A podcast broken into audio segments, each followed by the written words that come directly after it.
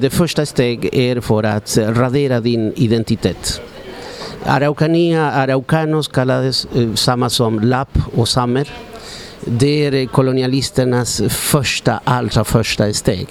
Välkommen till Latinamerika-podden som i det här avsnittet pratar om mapuche-konflikten i Valmapu, Chile, Argentina med Jorge Calbucura, docent i sociologi vid Mittuniversitetet.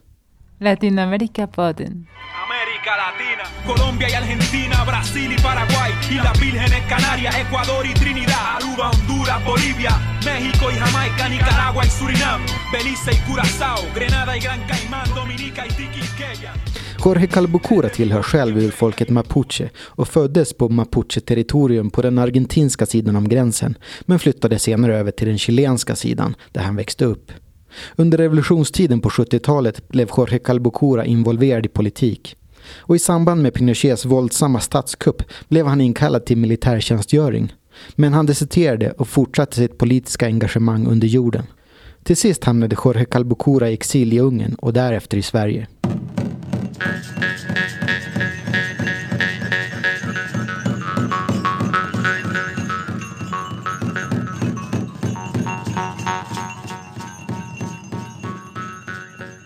Om man skulle sammanfatta Mapuche-konflikten, kan man säga att det är en territoriell konflikt?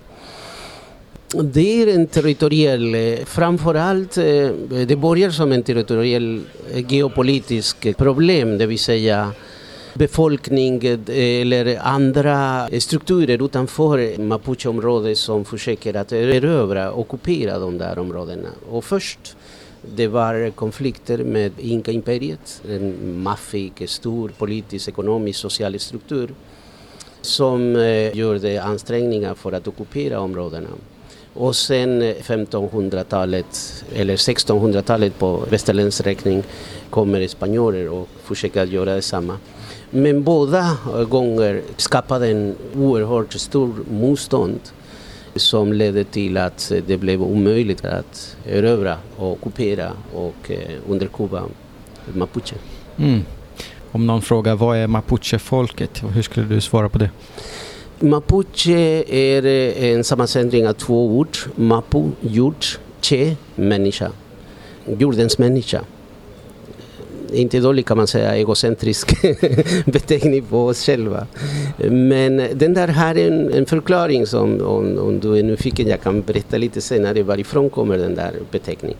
Men framförallt eh, studierna, den enda som vi vet att eh, gamla studier som finns eftersom de flesta urfolks historia det finns inga materiella spår över detta och där är vi släkt med samerna.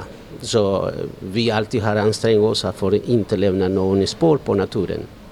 Mm. Tvärtom, det ska vi lämna intakt. Det är vi en del av den här, därför vi inte bygger städer och så vidare. Det finns också några stories eh, angående det här som senare jag kan berätta. Men eh, det är folk som har funnits eh, enligt arkeologiska fynden i 17 000 år eh, där på områden. Och eh, det eh, alltid har varit isolerat från varandra kan man säga. Vi kallas för territoriella identiteter, det vill säga folk håller sig till sin lokal geografi och så vidare. Inte stora ansträngningar för att bilda några stora grupperingar. Och eh, framförallt eh, identitet, den, den etniska identitet som vi har är en produkt av den där intrång som andra eh, stora folkgrupper har gjort som spanjorerna till exempel. Mm. Idag vi bor i reservat, eh, precis som nordamerikanska indianer. Vi blev besegrade senare efter koloniala kan man säga, makten lämnade området och, och, och skapade de där nya systemrepublikerna. Omkring 1883 bli, vi blev militär besegrad och eh, deporterade, eh, överlämnade till eh, omkring 2000 reservat. Ett område som handlar om omkring 600 000 eh, hektar eh, som är spridna i olika delar i Argentina och Chile. Och sedan dess vi har eh, bott eh, sedan 1883-85 i reservatsystem efter att ha varit fria. Och sen idag är vi omkring 1,5 miljoner. Mm. Men okej, okay, det första som man vet invasionsförsöket det var alltså Inkariket. Eh, hur kommer det sig att, eh, att mapuche-folket stod, eh, stod pall mot det mäktiga Inka-imperiet? Det är två saker. Den ena är att det finns en stark motståndskraft som ja, man kan spekulera varifrån kommer men den där att Eh, Eh, framförallt när det gäller eh, militärintrång ofta eh, eh, eh, följer av, på den där tiden överhuvudtaget, att man fångade folket och omvandlades till slavar. Det gjorde Inka och det sen gjorde spanjorer. Och där kommer i första hand kan man säga som en svar till detta att inte låta sig misshandla helt enkelt. Och därifrån kommer den nästa sak som eh, skapar en stor eh, motståndskraft eh, som leder utan tvekan att okej, okay, vi krigar. Och sen det kommer den tredje sak som har att göra med att mapuchefolk har visat sig väldigt duktiga för att eh, vara medveten över sina nackdelar, det vill säga i den, den militära. Och eh, på grund av detta alltid har haft en inställning att lära oss observera, lära oss och på så sätt eh, kunna, eh, och det som har hänt i det militära när det gällde inkas och när det gällde spanjorer också. Så vi blev så duktiga som inkas och eh, spanjorer för att kriga eh, med samma medel, med samma kunskapsnivå och så vidare. Jo, jag tänkte som du nämnde i början så är den politiska strukturen eh, speciell. Som jag uppfattat det så är det en ganska decentraliserad struktur. Kan du berätta lite hur man då samarbetar då gentemot en, en extern fiende som till exempel Inkariket? För att hålla ihop om det nu är så att man organiserar sig på en familjenivå? Ja.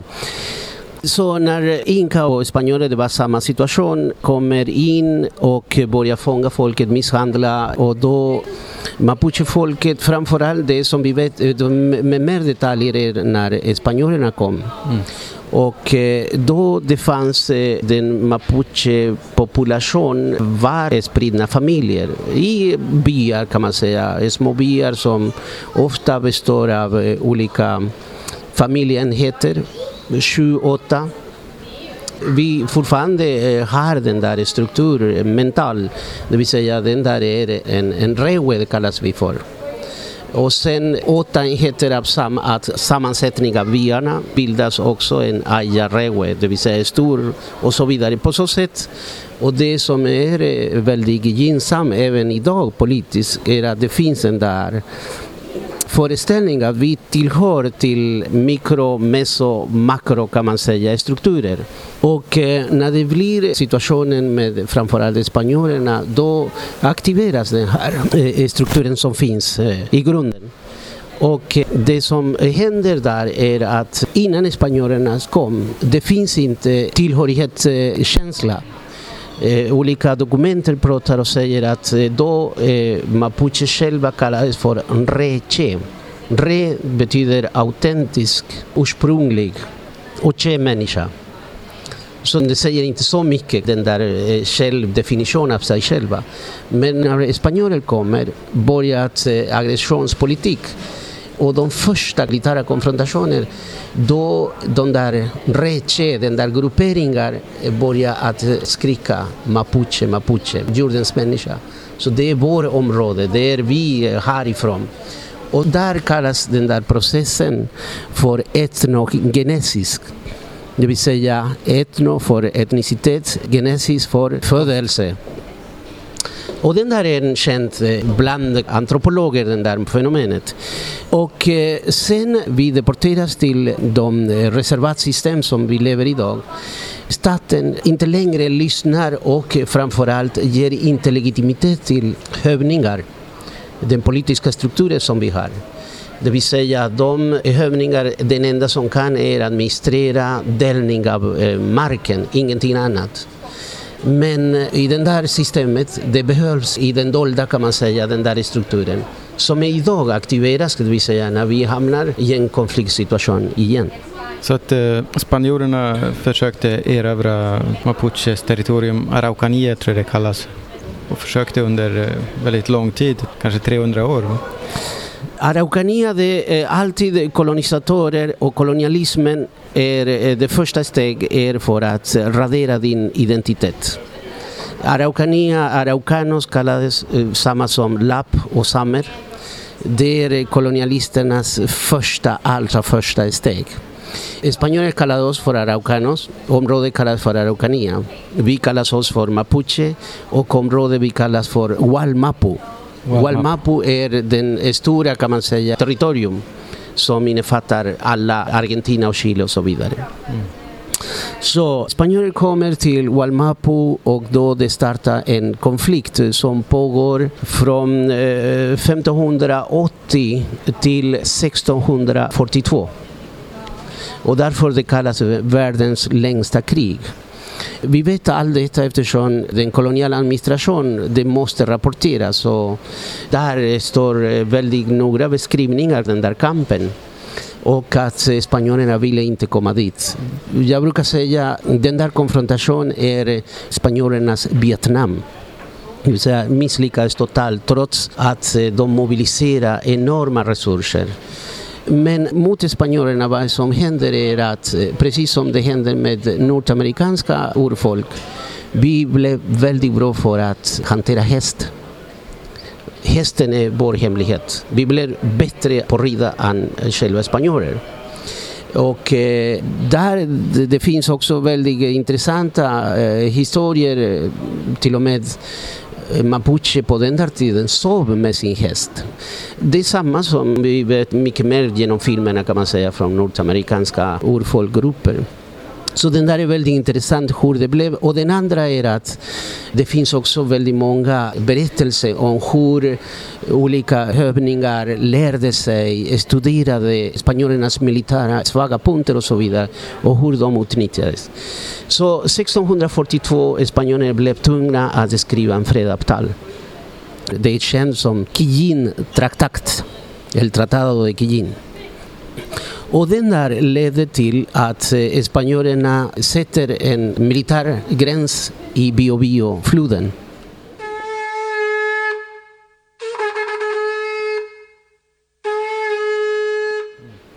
Och sen vi faktiskt brukar säga, och det som blir väldigt problematiskt i, i chilenska historia sammanhang, är att vi säger vi hade, för oss det var den bästa tid som vi har haft under spansk administration. Spanjorerna respekterar oss som nation, eh, erkände oss, skriver en traktat då det innebär att du är lika.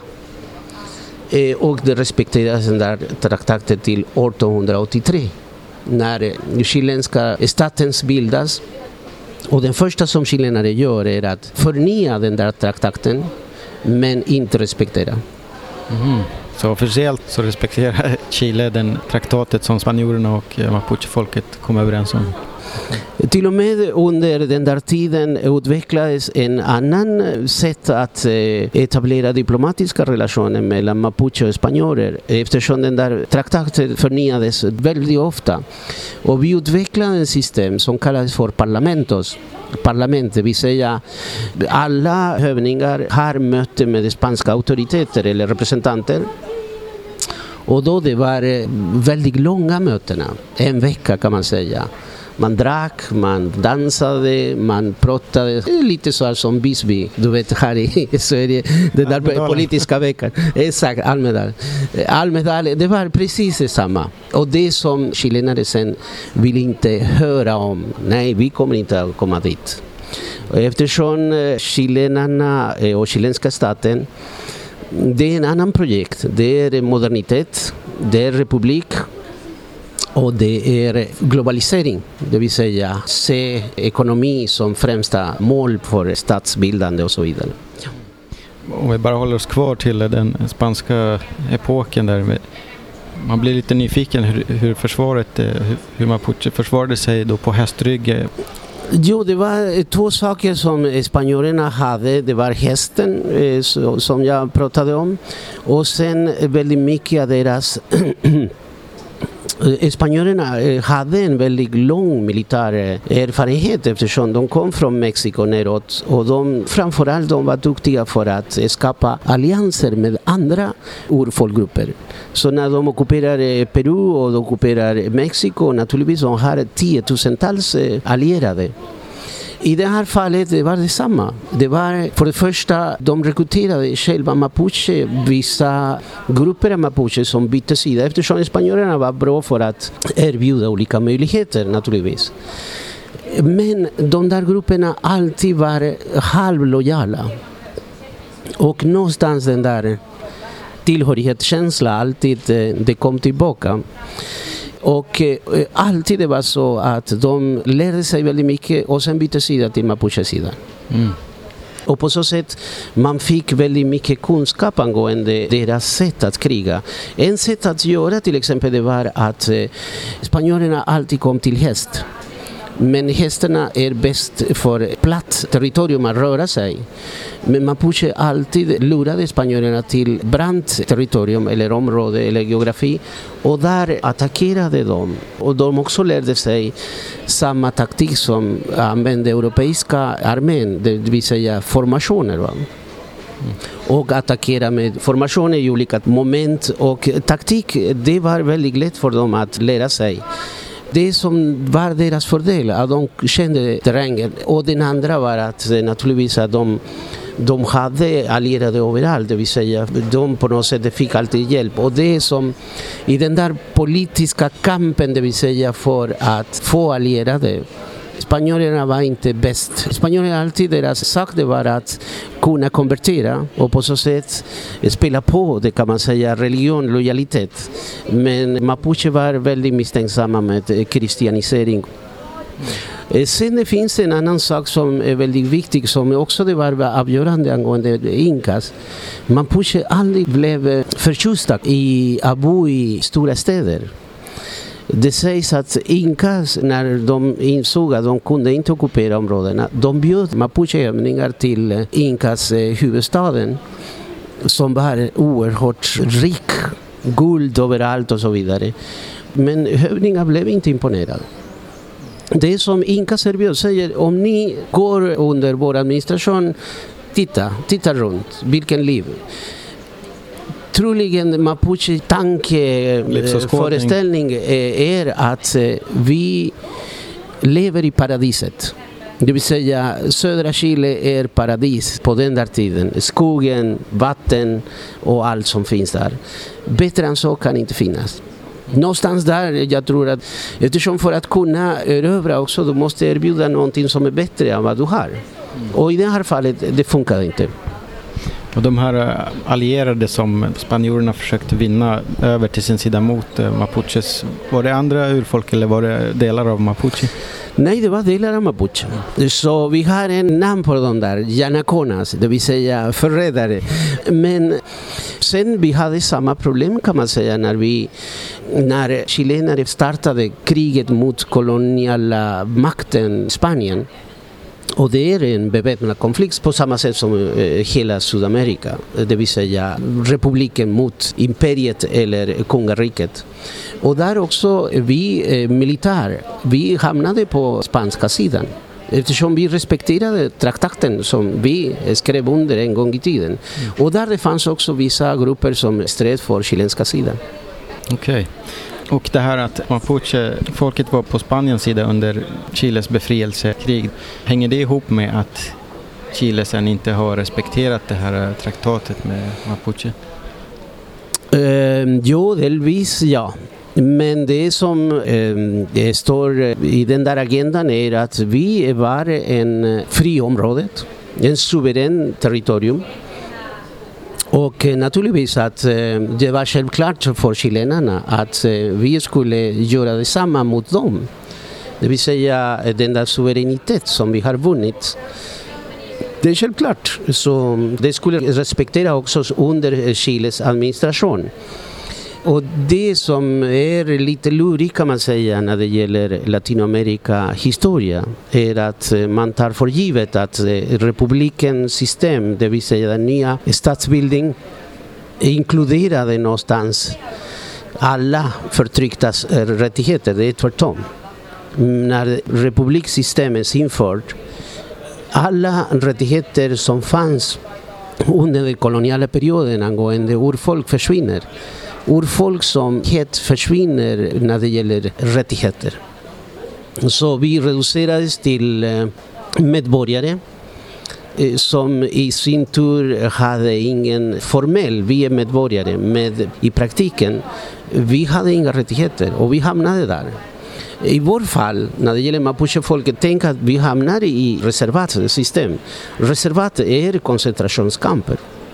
Så där det blir de där aspekterna som idag vi börjar diskutera om. Vad handlar den där historiebeskrivning som säger att eh, republik och eh, befrielse från den spanska kolonialismen, det absolut gynnades inte oss. Mm. Du lyssnar på Latinamerika-podden om Mapuche-konflikten med Jorge Calbucura. Man blir lite nyfiken på vad var det som den chilenska staten, hur de lyckades att eh, kuva mapuchefolket när inte spanjorerna eller inkariket lyckats tidigare? Jo, det är eh, två saker. Den ena är att eh, det är två förenade krafter. Så, eh, 1810 bildas eh, eh, chilenska och argentinska stater befriade från Spanien. 1883 som jag säger, så det är eh, 50 års krig. Permanent krig. Eh, nu är det nya medel, det vill säga eh, modernare vapen som kräver resurser för att kunna eh, köpa dem. Så vi var eh, duktiga för att kunna göra motstånd kan man säga.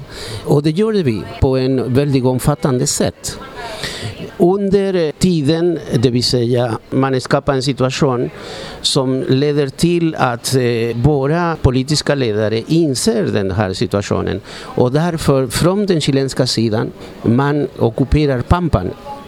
Hela södra Argentina eh, hela det som kallas för Pampa, som är ett enormt område, blir koloniserat faktiskt av mapuche och etableras där en eh, enorm allians av olika folkgrupper som lever där. En av dem som leder det där nya projektet heter Juan Calbucura, det vill säga min farfar farfar. Och han etablerar ett system där eh, alliansen, där eh, Argentina som sådan är mm, inte mer på den där tiden, 1790 någonting sånt. Eh, Argentina är enbart Buenos Aires. Resten är indigenous territorium.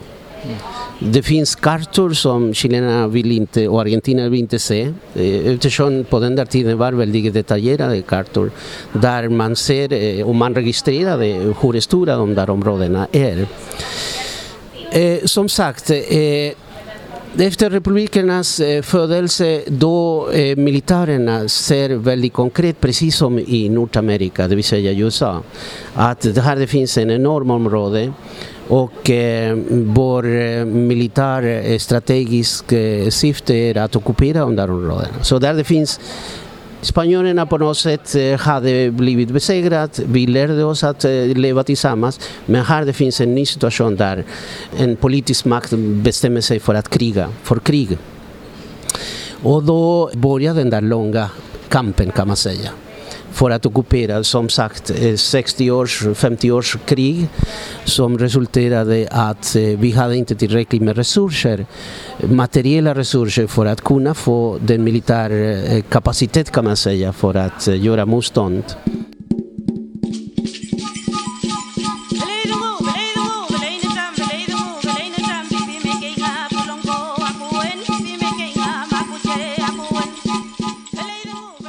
Det fanns eh, några politiska drag som man gjorde eh, som är eh, idag väldigt okända. En av dem är att 1860 kommer till Patagonien, till Pampan, en fransk man och han tillsammans med några hövningar deklarerar att det här är kungariket. Mm. El reinado de la Patagonia. Och det är eh, fortfarande det är väldigt känsligt att prata om det här eftersom den där kungariket med syfte att eh, skapa en stat formell stat som ska bli erkänd av andra stater. Och den enda stat som erkänner det är Frankrike. Mm. Och när du erkänner en stats existens, det är forever. Mm. Och än idag, det finns en där gruppering och framförallt eh, organisation i Frankrike som betraktar sig, som består enbart av fransmän, som deklarerar sig själva som ärver den här representation kan man säga, en exilregering, eh, eh, eh, mapuche-regering i, i, i, världen. Men den där är, är också en politisk medel som man använde på den där tiden. Eftersom de där områdena, det var den nya republiker som var sugna på att ta över. Men samtidigt England och Frankrike på den där tiden också hade sina fortfarande koloniala tankar kring områdena i Afrika och Sydamerika. Så det här är eh, inte så enkelt kan man säga. Det är en del av den där globala politiska spel på den där tiden och, och även idag kan man säga. Mm.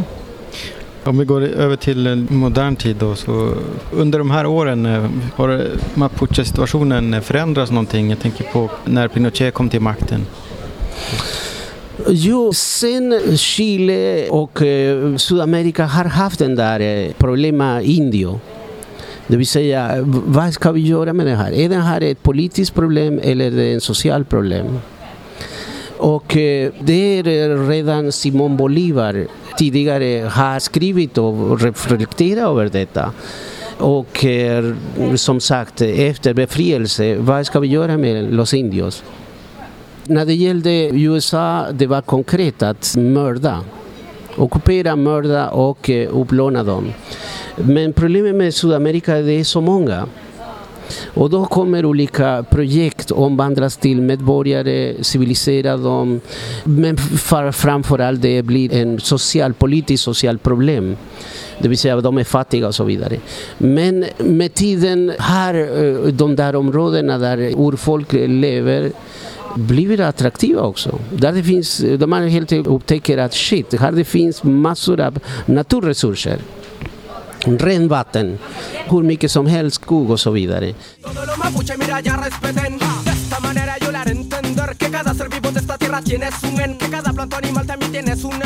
Salva, salva la naturaleza de la mano del cuenca que la quiere arruinar ya. Salva, salva tu madre tierra para que no se apague tu så den där dilemma från eh, erövrarna förnyas. Men det stora problem som vi har är, reflekterar de, de bor där. Vad ska vi göra med dem? Under tiden i Chile efter eh, vi lever i, i reservatsystem, det har gjorts olika försök att bli av med kollektiv äganderätt. Det som i sin tur, de har inte tänkt att fortfarande lever i de där reservatsystem kollektiv äganderätt mentalt vi är inte civiliserat kan man säga, eh, inte heller i praktiken. Fortfarande vi utövar den där eh, gamla sättet att leva. Och den här har varit ett stort problem, inte minst i den nya tiden för eh, högerkrafter som vill att privat ägande och framförallt rättigheter baseras på individualismen kan man säga, individuella rättigheter. Och vi lever kollektivt, hänger inte ihop. Latinamerika-podden. Under väldigt lång tid i parlamentet och så vidare diskuterades den där att privatisera, att utplåna systemet. Men när Pinochet tar över, då de har den stora chans att göra detta. Och faktiskt det är den enda land i världen där inför en system där reservaterna blir privat egendom. Det vill säga de inför en politik där var och en de lever inom reservatområdet får en papper där de deklareras att den där eh, plott där de, de lever är eh, privat ägande. Den här händer eh, 1976 20 år senare jag gjorde en undersökning, en forskning. Vad hade hänt? Hur den där privatiseringen har påverkat mapuchefolkets sätt att leva eftersom de där reservat som sådan fortfarande finns. Mm. Och jag upptäckte att det har inte hänt någonting. Folk fick sin papper men fortfarande finns samma praxis kan man säga att behandla och betrakta områdena som kollektivägande. Men sen det kom den där också under Pinochet, man upptäcker att eh, det finns möjlighet att göra affärer, det vill säga eh, exportera naturresurser. Och eh, i Mapuche-området finns två väldigt eh, betydelsefulla naturresurser. Möjlighet att plantera träd och i södra Chile laxödling. Och där börjar en annan historia. Så eh, man kan säga att det, i modern tid så handlar det om en kamp om kontroll över territorium för att utnyttja naturresurser som skog och, och laxfiske. Ja, när det gäller trädprodukter, det finns två ehm, exportörer. Det är Sverige och Chile. Eh, det är som främst exporterar. Eh, I Chile det gäller 3 miljoner hektar som omvandlades till eukalyptus och tallplantage. Och i Sverige vi har, du vet i Sverige det är 97 procent av skog som är plantage. I Sverige finns bara 3 procent av skog som är naturskog. Mm. Så på så sätt Chile kom att konkurrera med Sverige i den, i den världsmarknaden angående export av sådana produkter. Mm. Och när det gäller lax, Chile konkurrerar med Norge och Kanada angående världsmarknaden. Problemet är att när det gäller lax, det handlar om lax som odlas i fångenskap som är väldigt skadlig för miljön. Det är den sämsta affärsidé som man kan ha eftersom lax skadar väldigt mycket miljön, det vill säga dödar sjö eller havets botten. Därför Kanada och Norge inte har sådana produktion. Men eh, eftersom Chile med privatisering, väldigt svaga naturlagar, det vill säga som försvarar miljö och så vidare, det är möjligt att sätta igång sådana processer. Mm. Men eh, om vi går över till dagens situation då. Jag antar att det finns en eh, önskan hos mapuchefolket att bli erkänd av eh, staten Chile och Argentina som en självständig autonom territorium. Hur bedrivs den kampen? Jo, eh, när det gällde eh, situationen med Pinochet och sen möjlighet att eh, avsätta Pinochet från makten, då det eh, bildades en väldigt stor koalition som skulle göra på fredligt sätt. Och det kallades till en folkomröstning och där ingick massor av olika politiska partier och de där partierna inkluderade den här gången eh, Mapuche också som har bildats och blev under Pinochet-tiden också en politisk röst och, och tog form av en politisk organisation. Och där vi skrev förnyade den där traktakten. och där 1989 tror jag det skrev under en eh, Tratado de Nueva Imperial Eftersom vi ville komma till den där formella delen att eh, chilenare och mapuche ska komma överens. Och där förpliktade sig den där eh, gruppen av eh, chilenska partier till opposition till Pinochet att jobba för att förbättra mapuches folkets situation. Vi kom överens om tre saker konstitutionell erkännande, det vill säga att Chile består också av urfolksgrupper och vi är på samma nivå kan man säga gentemot lagen och eh, grundlagen. Den andra var att egen parlament och den tredje var att eh, någon sorts eh, självbestämmande rätt. Sen naturligtvis eh, det kom också eh, ratificering av ILO 169 eh, och ratificering senare, lite senare av FN-konventionen om, om urfolkrättigheter. Vi har eh, fått eh, ratifiering av ILO 169 och ratifiering av FN urfolkkonvention.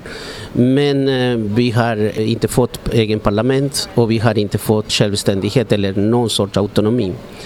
Och samtidigt som staten ger eh, fortfarande transnationella företag möjlighet att etablera sig i Mapucheområdet.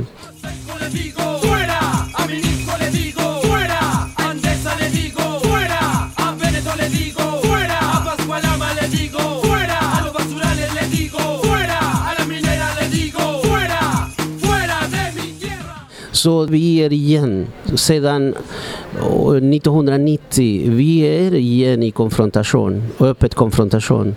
Många byar och, och framförallt den där reservat eh, har gått i, i angrepp mot eh, olika projekt som eh, drivs i Mapucheområdet.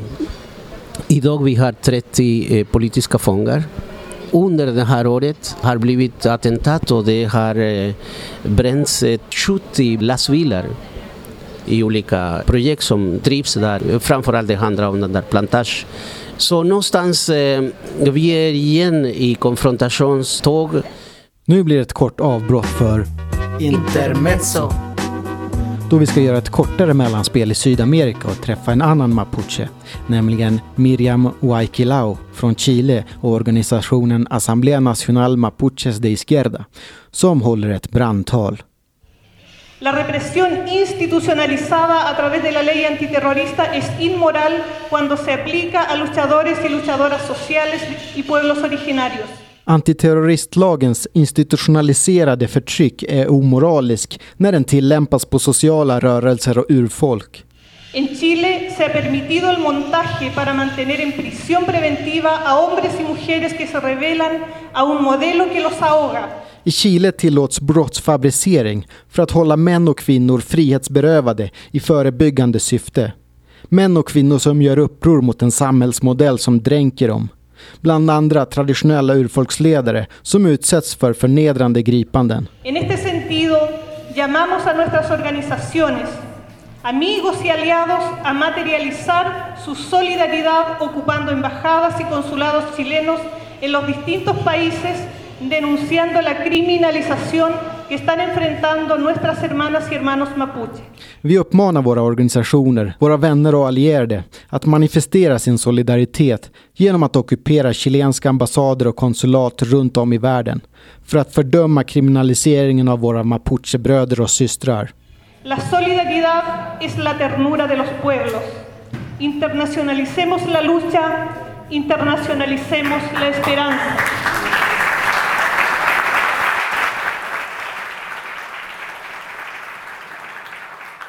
Solidaritet är folkens ömhet. Vi internationaliserar kampen och internationaliserar hoppet, säger Miriam Huayquilao inför en grupp representanter från sociala rörelser från hela Latinamerika och möts av applåder. Efter talet så lyckas jag få en liten pratstund med Miriam. Mari Mari Compulamien, Inche Miriam Huayquilao Opinien, Inche mm, Galvarino Tugun, Mapumeu, Chile, Fruta Mapumeu. Jag heter Miriam Waikilao. Jag är från samhället Galvarin i Mapuche-territoriet i Chile, säger hon på modersmålet mapundungun. På frågan om hur situationen är i Mapucheland svarar hon att samvaron med naturen är god, men att samvaron med den chilenska staten är spänd. Tenemos una situación coyuntural en este momento en que estamos muy preocupados por la salud de cuatro hermanos que están en huelga de hambre y uno de ellos en huelga seca. Just nu har vi en konjunktur där fyra bröder är i hungerstrejk, varav en också vattenvägrar. Vi vet att han är i fara för sitt liv. De står anklagade mot antiterroristlagen, vilket medger förebyggande frihetsberövande, vilket brukar dra ut på tiden. I deras fall har de suttit frihetsberövade i närmare ett år och fyra månader utan rättegång. Det är därför de har gått ut i hungerstrejk. För att sätta press på staten för att få en rättvis rättegång och inte sitta så länge häktade.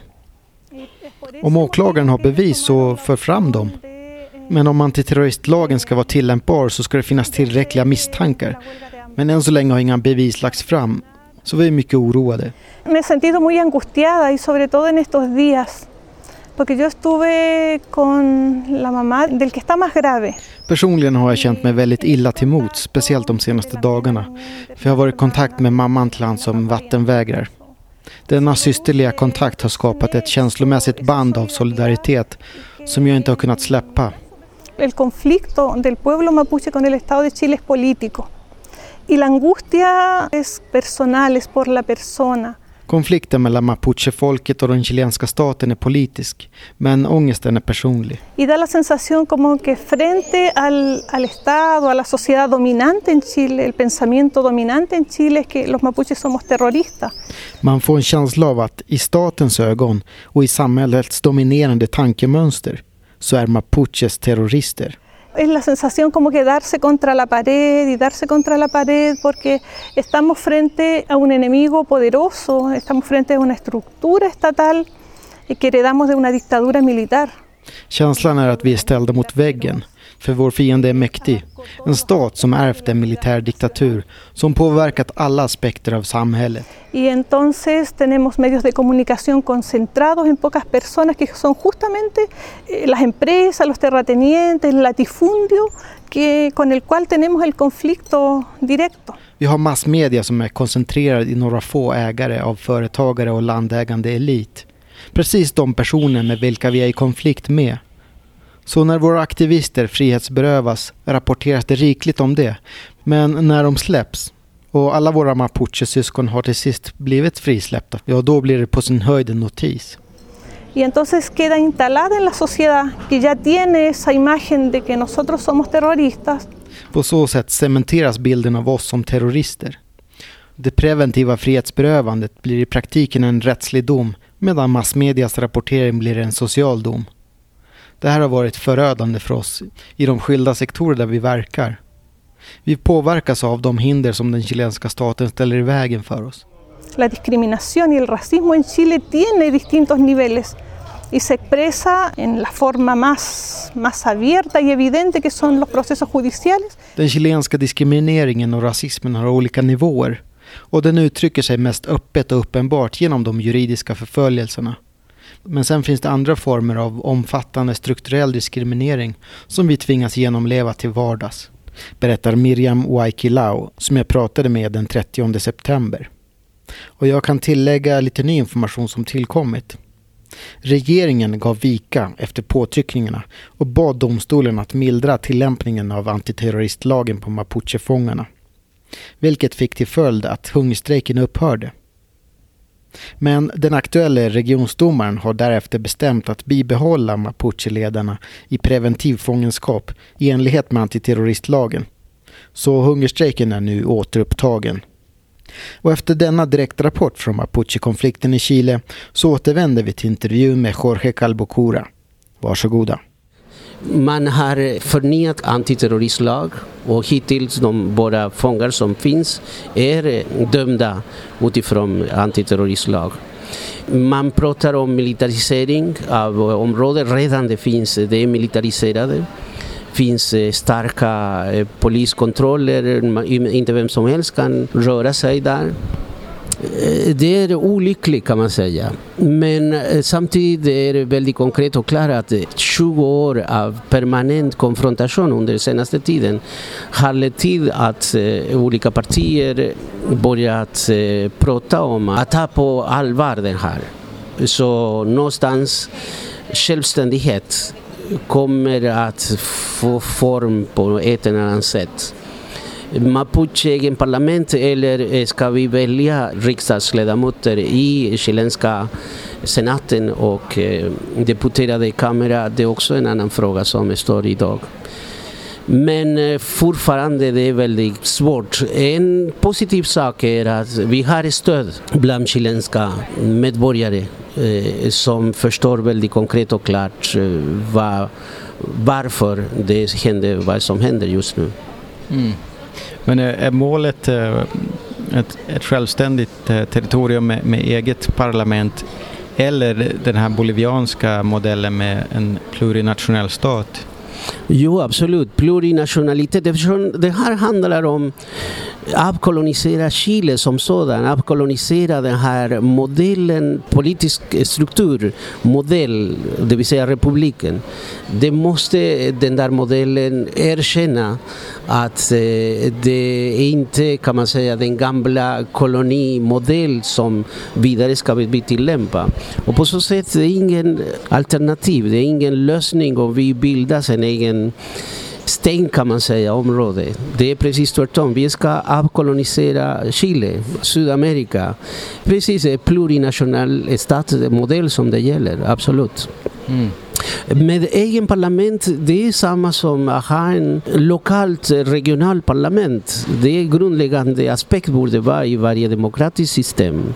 Den här centraliseringen eh, leder som demokratiskt projekt inte långt. Vi ser i Sverige att det mesta som riksdagen diskuterar är budget. Men det finns massor av andra frågor som har eh, olika förankring, eh, som finns ingen plats för att diskutera. Lokala parlament, det här skulle vara en lokal parlament där man kan diskutera massor av saker som är idag eh, avgörande angående miljö, angående det goda livet, det vill säga el buen vivir och så vidare och så vidare. Vår politiska sikte är ditåt, inte att blir bara integrerade i en system som, som vi vill reformera systemet inifrån, absolut. Mm. Och eh, om du skulle sia lite i framtiden, eh, hur, hur tror du att eh, Mapuche-konflikten kommer att utvecklas framöver? Om du, om du får spekulera. Jag är optimistisk utifrån de där eh, krafterna som ger dynamik till det och överhuvudtaget urfolkrörelse. Det finns en förnyad kraft som är förankrad i ungdomar, en revitalisering av eh, identitet och så. Där eh, finns hur många idéer som helst. Och jag tror att vi har, vår folk har förstått vad innebär eh, avkolonisering. Och jag tror att därifrån kan eh, hända vad som helst, men jag tror oavsett om vi får eh, formell institutionell erkännande, den här kan ingen stoppa. Så vi har tillräckligt med, med idéer, krafter, kan vilja för att på lokal nivå, och det är som vi jobbar, komma med stora förändringar. Och eh, jag tror på någonting något som kallas för indianisering av samhället. Eh, vi kommer underifrån, vi kommer med idéer, vi kommer med eh, olika projekt och och jag tror att västvärlden som sådan, som politiskt, socialt projekt eh, har totalt misslyckats. Västvärlden, det är slut. Det är slut på modernitet, moderniseringstankar. Västvärlden har ingenting att komma med. Och jag tror att idag vi lever och vi kommer att leva i en pluricentrisk värld, det vill säga Eh, idémässig projektmässigt. Det kommer att florera hundratals, tusentals nya projekt. Så en sak som jag är helt säker, västvärlden, kolonialismen, den koloniala eran, det är slut. Eh, och det är vår tid nu. Mm. Kanske bra att avsluta med den framtidsvisionen. Ja, jag får tacka dig så mycket Jorge Calbocura för att du medverkade i Latinamerikapodden. Chaltumai, Peuca Tack så mycket.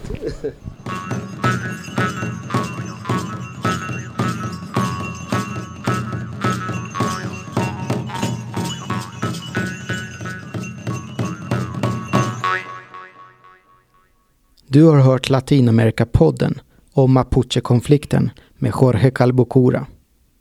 Samtalet spelades in på Kulturhuset i Stockholm den 1 september 2017. Du har också hört musiksnuttar med mapuche-grupperna Aflayay och Veshekeche Nitravin med reservationer för mitt kassa-uttal på mapundungun. Vill du veta mer om situationen för mapuche-folket så kan du gå in på hemsidan mapuche.info som Jorge Calbucura driver. Om du gillar vad du hört kan du följa Latinamerikapodden på Facebook så får du en avisering varje gång det dyker upp ett nytt avsnitt. I nästa avsnitt av Latinamerikapodden besöker vi de jordlösas rörelses nationella skola, Florestan Fernandes i Brasilien, för att prata med två skandinaviska elever som går skolans tre månaders intensivkurs i politisk utbildning. Det är kanske är därför det utifrån sett verkar som en sekt, men jag menar här inne så känns det i alla fall inte som en sekt. Men, ja. Det ska bli intressant. Latinamerikapodden görs av mig, Larry Honkanen, för Latinamerikagrupperna. Vill du se ett ökat folkligt inflytande i Latinamerika? Gå med i Latinamerikagrupperna. Ett medlemskap kostar bara 20 kronor i månaden och genom det stödjer du urfolk och sociala rörelser att organisera sig för en hållbar och mer rättvis värld. Gå in på latinamerikagrupperna.se, dra ner rullgardinen vad du kan göra och klicka på länken Bli medlem. Vi hörs i nästa podd.